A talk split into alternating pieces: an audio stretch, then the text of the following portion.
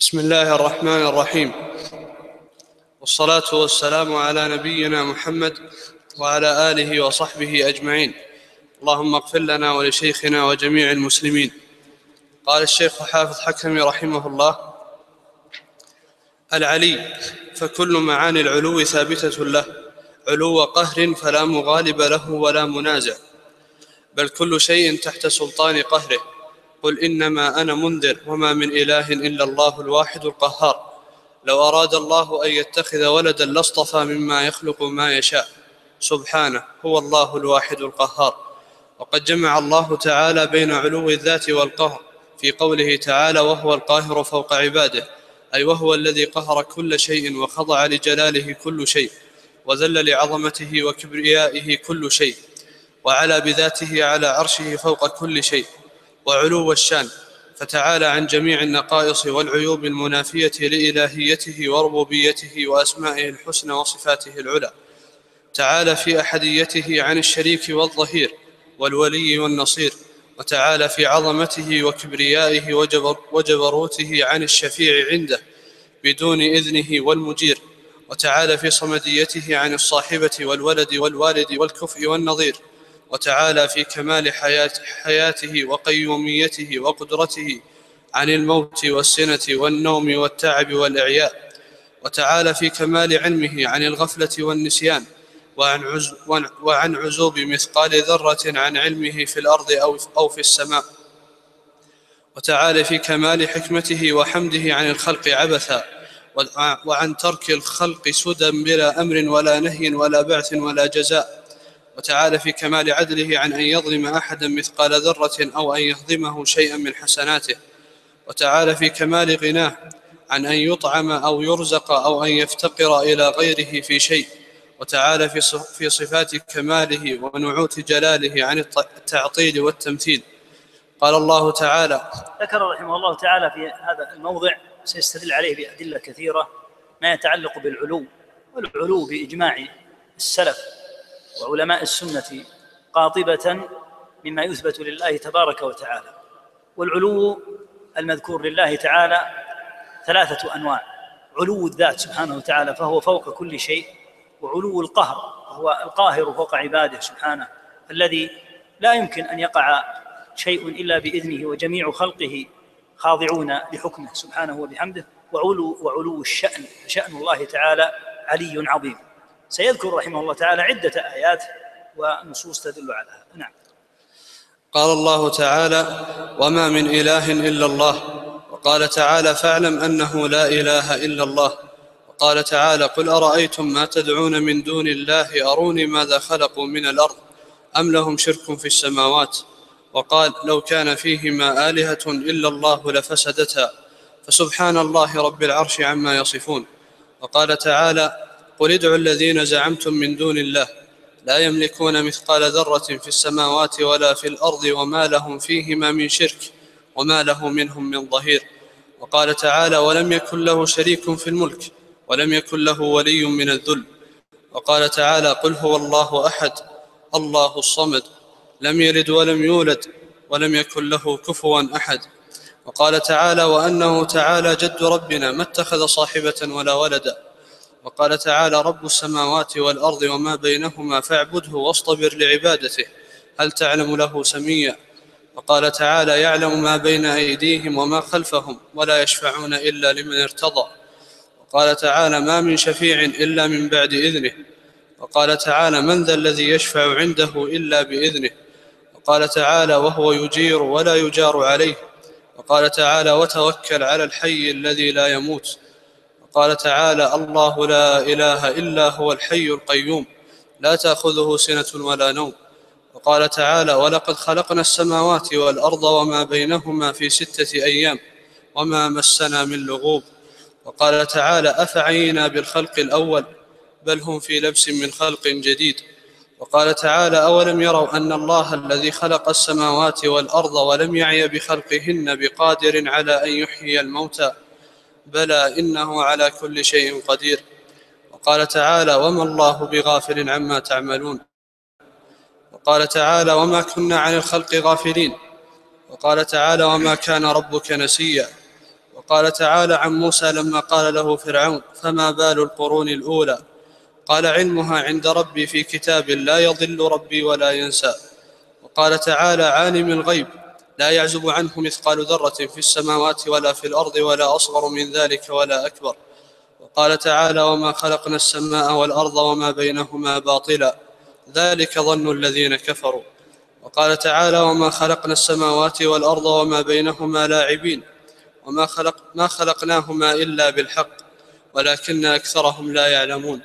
وقال تعالى أفحسبتم انما خلقناكم عبثا وأنكم إلينا لا ترجعون.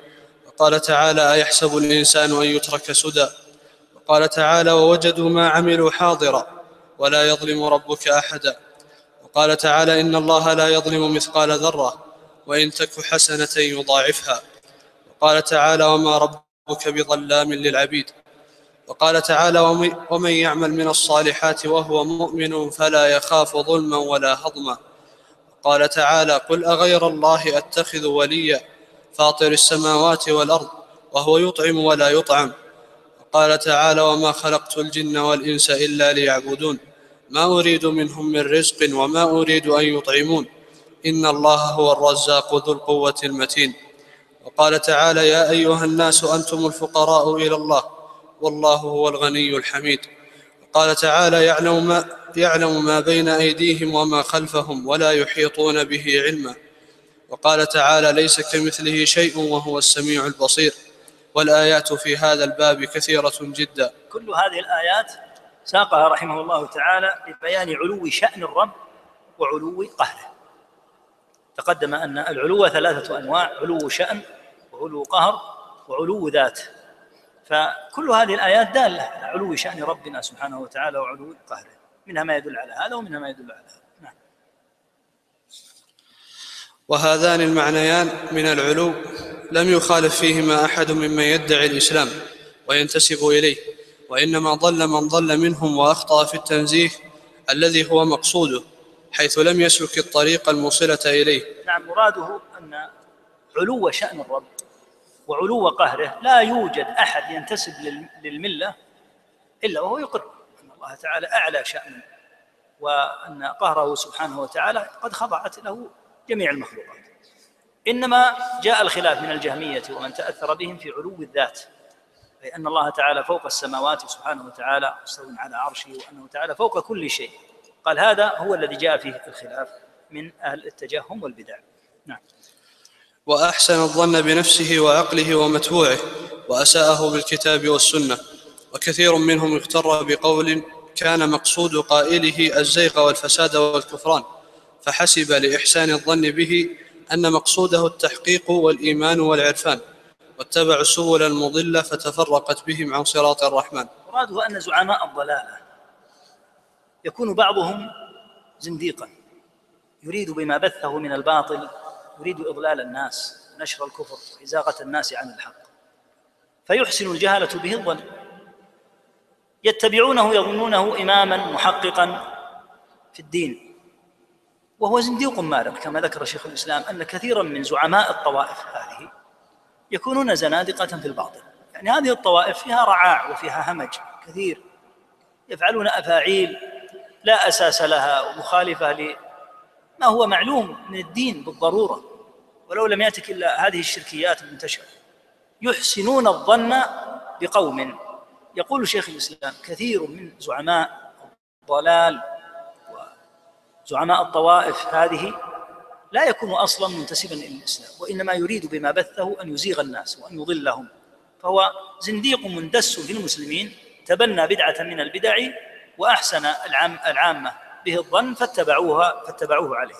لو علموا حقيقته قطعا لتبرأوا منه. كما قال ابن القيم رحمه الله تعالى في بيان هذا الحال وما تفعله العامة بهؤلاء المفسدين المجرمين يقول يبغون منهم دعوة. ويقبلون أياديا منهم رجا الغفران. ولو أنهم علموا حقيقة قولهم رجموهم لا شك بالصوان. يعني من حبهم لهم يطلبون منهم من هذا الزنديق يقول أريد منك دعوة. ويقبلون أيديهم ويعظمونهم بالتمسح والتبرك وما هو أشد من هذا. يقول ولو أنهم علموا حقيقة قولهم رجموهم لا شك بالصور لو علموا حقيقتهم وما هم عليه لا رموهم بالحجارة. نعم. فمنهم من نزهه تعالى عن فوقيته على عرشه بائنا من خلقه ووقع في أعظم من ذلك ووقع. ووقع في أعظم من ذلك. نعم. ووقع في أعظم من ذلك حيث اعتقد أنه في كل مكان ولم ينزهه تعالى ولم ينزهه حتى عن الأماكن الخسيسة. ومنهم من نزهه عن العلو والفوقية وجعله هو الوجود بأسره ومنهم من نزهه عن وجود ذاته ووصفه بالعدم المحض ومنهم من نزهه عن أفعاله ومشيئته فرارا من وصفه بالظلم ووقع في تعطيله عن قدرته ونسبته إلى العجز وغلا بعضهم في ذلك حتى أنكر علمه السابق ووصفه بضده ومنهم من غلا في مسألة القدر وإثباته وخاصم به وخاصم به الأمر والنهي. فرارا مما وقع فيه الأولون ووقع في أعظم من ذلك. تعطيل الشريعة ونسبته تعالى إلى الظلم وإلى تكليف عباده ما لا يطاق. تعالى الله عما يقولون علوا كبيرا. ففروا من الهدى إلى الضلالة ومن الرشد إلى الغي ومن الإسلام إلى الكفر ومن السنة إلى البدعة ومن النور إلى الظلمات. وضل سعيهم في الحياة الدنيا وهم يحسبون أنهم يحسنون صنعا. ذكر رحمه الله هنا خمسة نماذج. لما وقع فيه الضالون مما زعموا أنهم يريدون به أن ينزهوا الله تعالى عن أمر فوقعوا فيما هو أشر منه. قال بعضهم ننزه الله تعالى عن أن يكون مستويا على العرش وأن يكون سبحانه وتعالى بائنا من خلقه. فقيل لهم أين الله إذا قالوا في كل مكان نسأل الله العافية. حتى الأماكن الدنسة القذرة. هذا تنزيه؟ تنزهونه سبحانه وتعالى عن اللائق به. وتصفونه بغير اللائق هذا هذه هي العاقبة. عاقبة من ترك الحق إلى الباطل ترك السنة إلى البدعة وترك النور إلى الظلام وترك نصوص القرآن إلى ما استحسنه وهويه أو من حسن به الظن. منهم من نزه الله عن العلو والفوقية. قال هو الوجود كله نسأل الله العافية والسلام. منهم من نزه الله تعالى عن أيضا أن يكون موجودا ووصفه تعالى بالعدم المحض فبدأ ينفي عن الله العلم السمع والبصر والعلم والحياة والإرادة فوصف الله بالعدم نسأل الله العافية والسلام. من نزه الله تعالى عن أفعاله وما يقع منه سبحانه وبحمده قال هذه ليست من هذه الأفعال. لأنها في زعمه ظلم. وجعل هذه الأفعال منسوبة إلى الناس وأن الله تعالى لا يريدها فتقع في ملك الله تعالى والله لا يريدها فنسب الله إلى العجز. وهكذا الذين غلوا بالعكس في مسألة القدر وإثباته وخاصموا به الأحكام الشرعية هو مراد بقوله وخصم به الأمر. كل هذا في زعمهم تعظيما لله فعطلوا الشريعة لأنه إذا غلا هذا الغلو في نفي قدرة العبد وأن الأمر فعل الله عز وجل تعطل الشريعة في هذه الحالة. فإذا زنى العبد قال هذا ليس من فعلي. وإذا قتل قال ليس من فعلي. فتعطل الشريعة وتعطل الأحكام. هذه هي عاقبة كما ذكر رحمه الله. هذه عاقبة عاقبة من ترك النور إلى الظلمة. ترك السنة إلى البدعة ترك الحق إلى الضلال. ترك الحنيفية المحضة إلى الجاهلية. فالواجب أن تتلقى هذه المطالب العظام من النصوص. الله تعالى عرف عباده بنفسه. أما أن يستحسن رأي عمرو بن عبيد أو رأي الزمخشري أو عبد الجبار أو يستحسن رأي زعماء الروافض أو زعماء الباطنية زعماء المعتزلة الجهم بن صفوان وتترك النصوص فلا شك أنها ستكون العاقبة. هذه المذاهب العوجاء المنحرفة التي هي على خلاف كتاب الله تعالى وسنة نبيه صلى الله عليه وسلم. نعم. وهدى الله الذين آمنوا لما اختلفوا لما اختلفوا فيه من الحق بإذنه فجعلوا أمامهم وقدوتهم الكتاب والسنة. فجعلوا إمامهم وقدوتهم الكتاب والسنة. وساروا معهما حيث سار ووقفوا حيث وقف فأثبتوا لله ما أثبته لنفسه وأثبته له رسوله صلى الله عليه وسلم من الأسماء الحسنى والصفات العلى.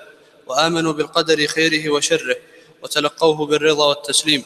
وانقادوا للشريعة فقابلوا أوامرها ونواهيها بالامتثال والتعظيم. فما أثبت الله لنفسه أثبتوه وما نفاه عن نفسه نفوه. فإذا سمعوا آيات الصفات وأحاديثها قالوا آمنا به كل من عند ربنا. وإن أحسنوا قالوا الحمد لله الذي هدانا لهذا وما كنا لنهتدي لولا أن هدانا الله. وإن أساءوا قالوا ربنا ظلمنا أنفسنا وإن لم تغفر لنا وترحمنا لنكونن من الخاسرين. وإذا أصابتهم مصيبة قالوا إنا لله وإنا إليه راجعون. كذا ثابت له العلو والفوقية بالكتاب والسنة وإجماع الملائكة والأنبياء والمرسلين وأتباعهم على الحقيقة من أهل السنة والجماعة على عباده فوقهم مستويا على عرشه عالي عاليا على خلقه بائنا منهم يعلم أعمالهم ويسمع أقوالهم ويرى حركاتهم وسكناتهم لا تخفى عليهم من لا تخفى عليه منهم خافية. والأدلة في ذلك من الكتاب والسنة أكثر من أن تحصى وأجل من أن تستقصى والفطر السليمة والقلوب المستقيمة مجبولة على الإقرار بذلك لا تنكره.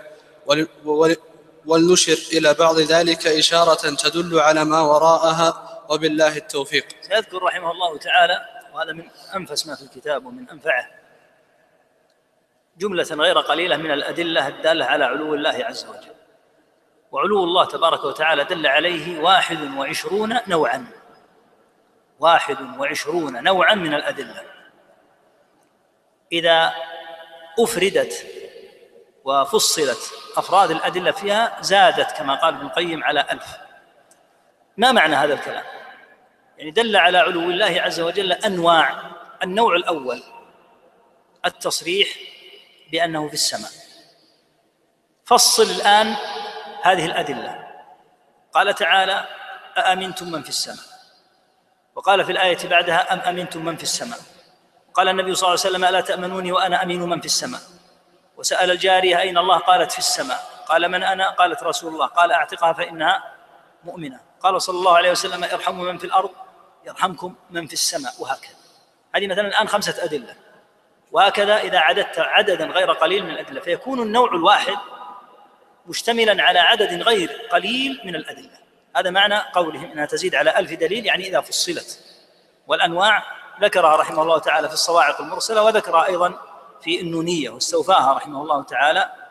ولا يمكن أن يستوفيها بمعنى أن يحصيها كاملة لكن بذكرها. وإلا فقد قال في النونية رحمه الله تعالى لما أراد أن يسوق الأدلة قال والنظم يمنعني من استيفائها والنظم يمنعني من استيفائها وسياقة الألفاظ بالميزان. فأشير بعض إشارة لمواضع منها وأين البحر من خلجانه؟ يقول النصوص بحر والذي أشير إليه هو مجرد خلجان جمع خليج. ولأن النظم يمنعني من استيفائها النظم اللي هو الشعر. ما أستطيع أن أنظمها وآتي بها كاملة. فلا شك أن أدلة العلو كثيرة ولا ينكر العلو إلا جهمي إذا نفى علو الله عز وجل فإنه يكون الجهمية. ولهذا بعض من نفى الاستواء أقر بالعلو مع أن نفيه الاستواء لا شك أنه ضلالة لكن أدلة العلو من العسر جدا أن تنفى. ولهذا لما قال الجويني ما قال وصار يقرر ما يقرر رد عليه الهمداني وهو من الأشاعرة أيضا. قال دعنا من يعني هذه العبارات التي تقول لكن ماذا ماذا تقول في ضرورة يجدها كل عارف؟ ما قال يا رب إلا وجد ضرورة. يتجه معها إلى العلو لا يلتفت يمنة ولا يسار. هذا أمر موجود خلقنا الله خلقه الله تعالى فينا فنزل من المنبر وقال حيرني الهمداني حيرني الهمداني نسأل الله العافية لأنهم يخالفون هذه النصوص الكثيرة فيقعون في الحيرة فالأدلة أنواع الأدلة واحد وعشرون نوعا. تحت كل نوع عدد غفير من أفراد النصوص مثل ما ذكرنا وهكذا التصريح بالفوقية وهكذا التصريح بالعلو وما سيذكره إن شاء الله تعالى من هذه التفاصيل نعم. فمن ذلك أسماءه الحسنى الدالة على ثبوت جميع معاني العلو على ثبوت جميع معاني العلو له تبارك وتعالى كاسمه الأعلى واسمه العلي واسمه المتعالي واسمه الظاهر واسمه القاهر وغيرها. قال تعالى سبح اسم ربك الأعلى. ولما نزلت قال النبي صلى الله عليه وسلم اجعلوها في سجودكم. وقال تعالى وسع كرسيه السماوات والأرض. ولا يؤوده حفظهما وهو العلي العظيم. وقال تعالى إن الله كان عليا كبيرا. وقال تعالى ذلك بأن الله هو الحق وأن ما يدعون من دونه هو الباطل وأن الله هو العلي الكبير. وقال تعالى حتى إذا فزع عن قلوبهم قالوا ماذا قال ربكم؟ قالوا الحق وهو العلي الكبير. وقال تعالى إنه علي حكيم. وقال تعالى عالم الغيب والشهادة الكبير المتعال. وقال تعالى هو الأول والآخر والظاهر والباطن. وقال النبي صلى الله عليه وسلم في دعائه وأنت الظاهر فليس فوقك شيء. وقال تعالى وهو القاهر فوق عباده. وهذه الأسماء تدل على ثبوت جميع جميع معاني العلو. على على ثبوت جميع معاني العلو له تبارك وتعالى ذاتا وقهرا وشأنا. هذا الدليل الأول النوع الأول. أسماء الله. أسماء الله تبارك وتعالى دالة على علوه. فمن ذلك اسم الأعلى والعلي والمتعالي والظاهر أن الظاهر معناها العالي. هذه الأسماء تدل على الأنواع الثلاثة المتقدمة علو القهر وعلو الشأن وعلو الذات له سبحانه وتعالى. فما أعجب من ينفون العلو وهم إذا سجدوا قالوا سبحان ربي الأعلى. الأعلى ذاتا وقهرا وشأنا سبحانه وتعالى. هذا النوع الأول. من أسماء الله تعالى ما يدل على علوه. نعم. ومن ذلك التصريح بالاستواء على عرشه كما قال تعالى في سورة الأعراف إن ربكم الله الذي خلق السماوات والأرض في ستة أيام ثم استوى على العرش. وقال تعالى في سورة يونس إن ربكم الله الذي خلق السماوات والأرض في ستة أيام ثم استوى على العرش يدبر الأمر. وقال تعالى في سورة الرعد الله الذي رفع السماوات بغير عمد ترونها ثم استوى على العرش. وقال تعالى في سورة طه الرحمن على العرش استوى. وقال تعالى في سورة الفرقان الله الذي خلق السماوات والأرض وما بينهما في ستة أيام ثم استوى على العرش الرحمن. وقال تعالى في سورة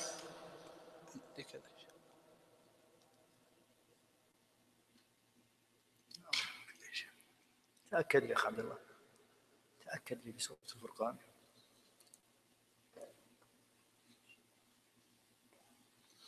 قبل السجدة.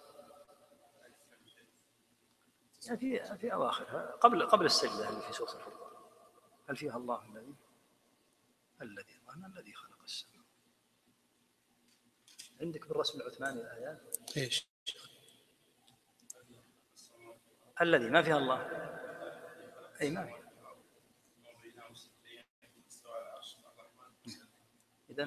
اشطب لأنها يا شيخ يعني في آية بداية الآية؟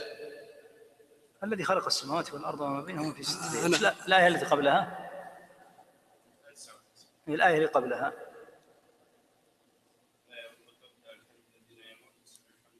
وكفى به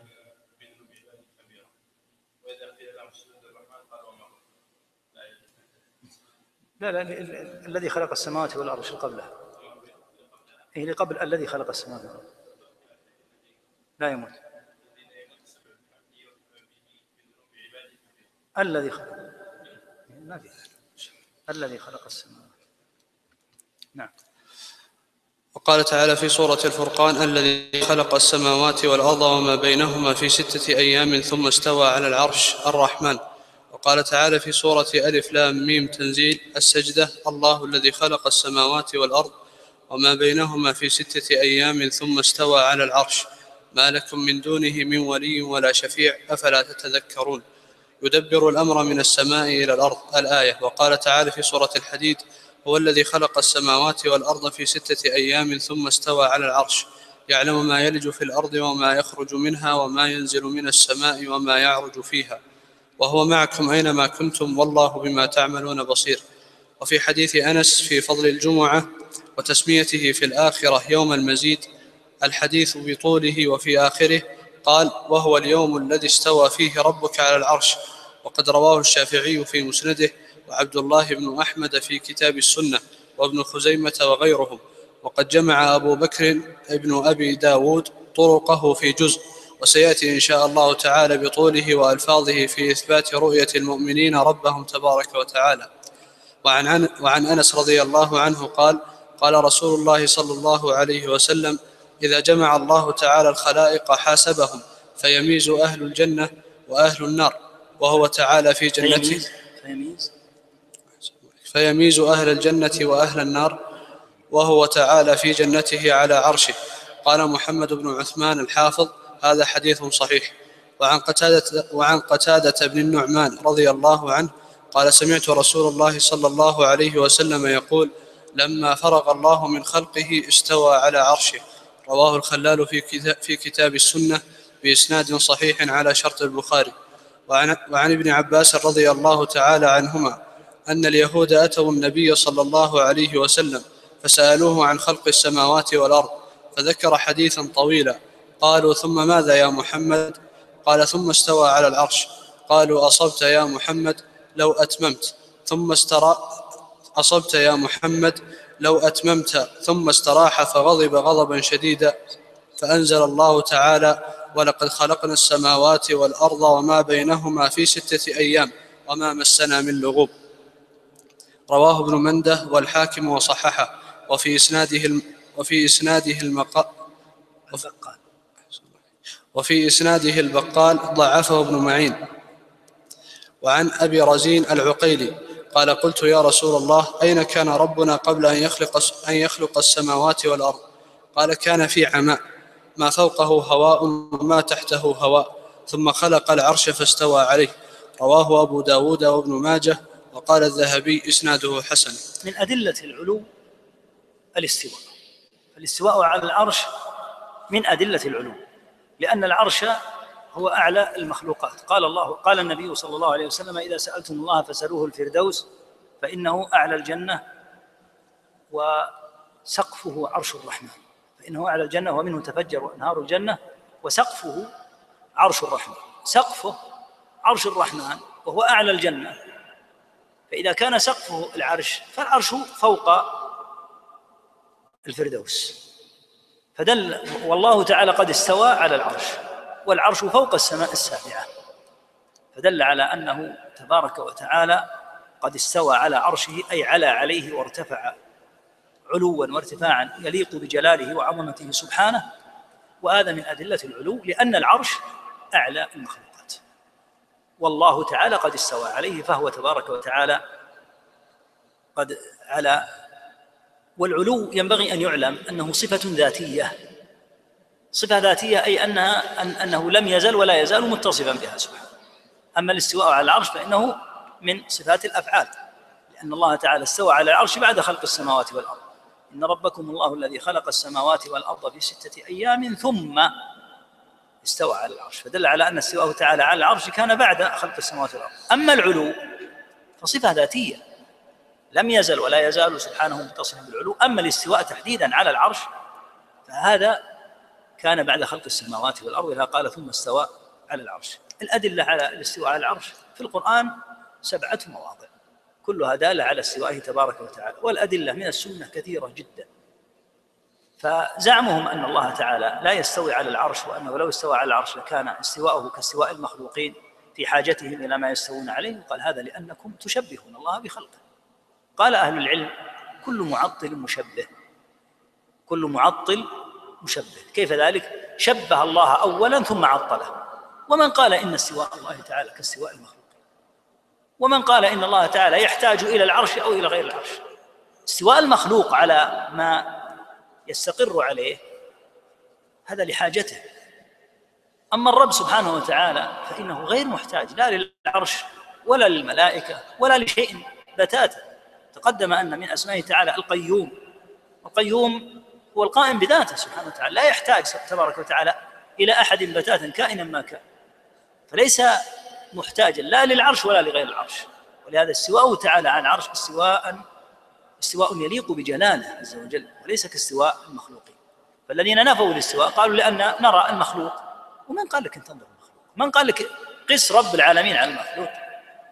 استواء الله تعالى على عرشه ليس كاستواء المخلوق على كرسيه. الرب سبحانه وتعالى مستغن. ألا تراه تبارك وتعالى يقول وتوكل على الحي؟ ثم يقول الذي لا يموت. يعني حتى تعلم أن حياة الله ليست كحياة غيره ألا ترى أنه سبحانه وبحمده ينادي الخلائق في القيامة بصوت يسمعه من بعد كما يسمعه من قرب. البعيد النائي يسمع صوت الله إذا نادى عباده كما يسمعه القريب. لأنه لا يقاس صوته لا يقاس بصوت المخلوق وإلا المخلوق فإنه إذا رفع صوته سمعه القريب ثم كلما نأى الناس عنه كما يكون في خطب الجمعة ونحوها فإنهم لا يسمعون. هذا لأنه مخلوق وصوته مخلوق مثله. أما الرب سبحانه وتعالى فلا يقاس ولهذا الذين نفوا إنما دعاهم إلى النفي أنهم قاسوا الله تعالى. ولهذا نص أهل العلم على أن الرب تعالى لا يقاس بخلقه. لا يقاس الرب سبحانه وتعالى. ألا ترى تعالى ألا ترى مما ذكر تعالى من علمه؟ فقال وعنده مفاتح الغيب لا يعلمها إلا هو ويعلم ما في البر والبحر وما تسقط من ورقة إلا يعلمها ولا حبة في ظلمات الأرض ولا رطب ولا يابس إلا في كتاب مبين. هذا علم الله. وما يعزب عن ربك من مثقال ذرة في السماوات والأرض ولا أصغر من ذلك ولا أكبر إلا في كتاب مبين. لما ذكر علم المخلوق قال وما أوتيتم من العلم إلا قليلا. هذا اللائق بالمخلوق العلم القليل أما الرب سبحانه فهو الذي لا يعزم عنه مثقال ذرة في السماوات ولا في الأرض. فلا يقاس علم الله بعلم المخلوق. كذلك لا يقاس استواء الله على استواء المخلوق. كذلك لا يقاس كلام الله بكلام المخلوق. لا يقاس نزول الله عز وجل بنزول المخلوق وهكذا. فيستريح الإنسان. والدليل ولله الحمد. جلي في القرآن. ليس كمثله شيء نفي. وهو السميع البصير. ففيها إثبات. إذا فهو سميع لا كالسامعين. بصير لا كالمبصرين فيستريح الإنسان من عناء ما وقع فيه هؤلاء الذين ضلوا وأضلوا غيرهم بأن نفوا هذه الصفات. ماذا تفعل بهذه النصوص الكثيرة في كتاب الله؟ كلما قرأت نصا فيه إثبات ماذا تفعل؟ تنفي وتنفي هذا والذي بعده والذي يليه والذي يليه. تستمر تقرأ من الفاتحة من الفاتحة إلى الناس. كلها فيها أسماء لله وصفات وأفعال تستمر تنفي لهذا يصابون بالحيرة. أنه يواجه لا يواجه موضعا أو موضعين أو ثلاثة أو أربعة يواجه القرآن كاملا نسأل الله. نعم. أما قوله في حديث أبي رزين إن ربنا تعالى في عماء أين كان ربنا؟ قال كان في عماء ما فوقه هواء ما تحته هواء. العماء هكذا بالفتح والمد هو السحاب.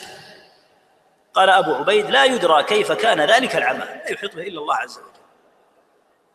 في رواية كان في عمى بالقصر. ومعناه كما سيأتي إن شاء الله معناه ليس معه شيء. الأمر فيه كما قال الأزهري رحمه الله نؤمن به ولا نكيفه ما نخوض فيه. هذا أمر لا يحيط به إلا الله سبحانه وتعالى. نعم.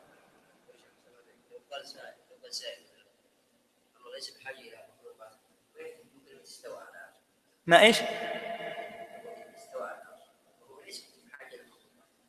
كما أنه سبحانه وتعالى خلق الخلق وليس بحاجة إليهم. وقال وما خلقت الجن والإنس إلا ليعبدون. ما أريد منهم من رزق وما أريد أن يطعمون. إن الله هو الرزاق ذو القوة المتين. فهل يصح الإنسان يقول لماذا خلق الله الخلق وما وهو غير محتاج إليهم؟ الله لا الحكمة البالغة. لا يخاض في لماذا؟ لهذا قال الشافعي رحمه الله تعالى لا يقال للأصل أي للدليل لما ولا كيف؟ لا يقال لماذا خلق الله العرش؟ لماذا خلق الله المخلوقين؟ لما لم يتركهم؟ دون خلق. هذا لا يحل. أولا لأنه على خلاف ما أخبرنا الله تعالى به. والأمر الآخر له. من قال إن لنا أن نسأل؟ إن أخبرنا الله بحكمة قلنا هذه الحكمة. إذا لم يخبرنا فإننا نصمت. لهذا لما أخبرنا الله بالحكمة من خلق الجن والإنس قال وما خلقت الجن والإنس إلا ليعبدون. هذه الحكمة من خلقهم. أما أن يقول لماذا خلقهم وغير محتاج لهم؟ هذا اعتراض. حتى الاستواء مثله كل أفعال الله وكل تشريعات الله. ما يجي إنسان يقول لماذا جعل الله الصلوات خمسة؟ لماذا لم يجعلها مرة واحدة؟ لماذا لم يجعل الصوم أسبوعا؟ لماذا لم يجعل الزكاة مرة في العمر؟ كل هذا ما يصلح.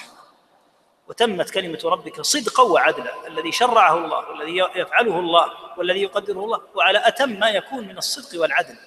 وما كان على خلافه فإنه لا يكون صدقا ولا عدلا. فلا يقال لله تعالى مثل هذا وليس للمخلوق أصلا قدرة. على أن يقول لرب العالمين ويقف؟ لما فعلت؟ من هو الإنسان؟ من هو المخلوق حتى يقول لله؟ لماذا فعلت؟ الإنسان أقصر كل الخلق أقصر من أن يقول لرب العالمين مثل هذا. عمى بالقصر يعني عماء بالمد وبالهمز. إذا قال عماء هكذا يكون بالمد والهمز. يكون هو السحاب. أما كان في عمى فأي ليس معه شيء كما سيأتي نعم.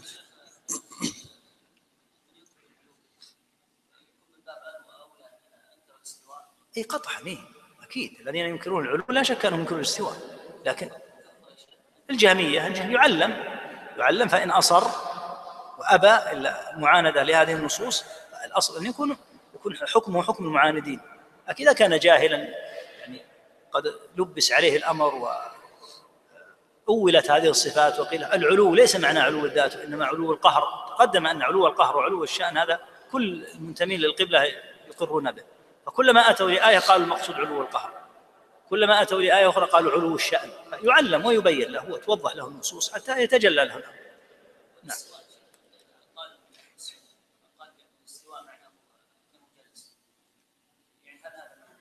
لا إشكال لا إشكال. فسروا بهذا. لأنه ورد في الحديث مو فقط من أنه قول فلان وعلان. ورد في الحديث. فما فيه إشكال. كما يليق به. وليس كجلوس المخلوق. مثل استقر ليس كاستقرار المخلوق. مثل علا ليس كعلو المخلوق. اتخذوها قاعدة. المهم أن يثبت. فإذا ثبت وعندك القاعدة أنه ليس كمثله شيء انتهى الإشكال. نعم. ورواه الترمذي وحسنه لكن لفظه وخلق عرش عرشه على الماء. قال يزيد بن هارون العماء أي ليس معه شيء.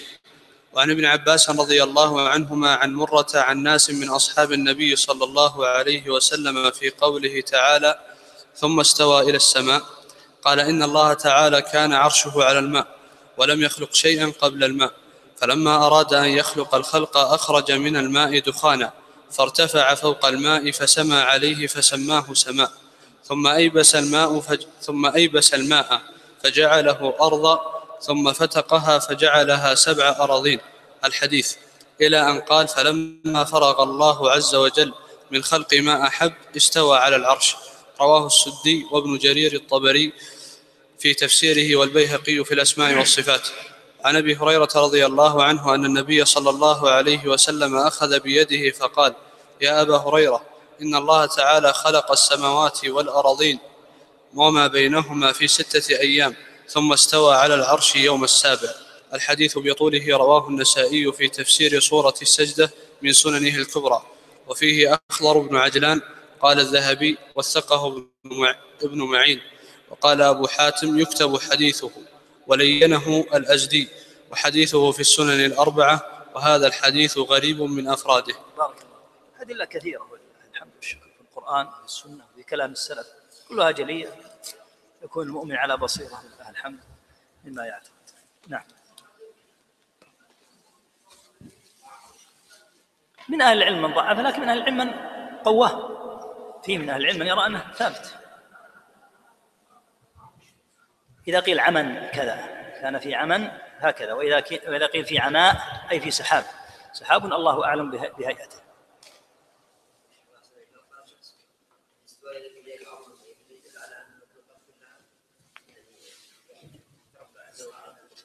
أن المخلوقات؟ لأنها كلها يعني على ليس ولكنه سبحانه وتعالى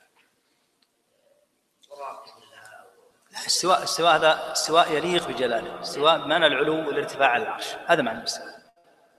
وكون الخلائق تحته نعم العرش هو أعلى المخلوقات.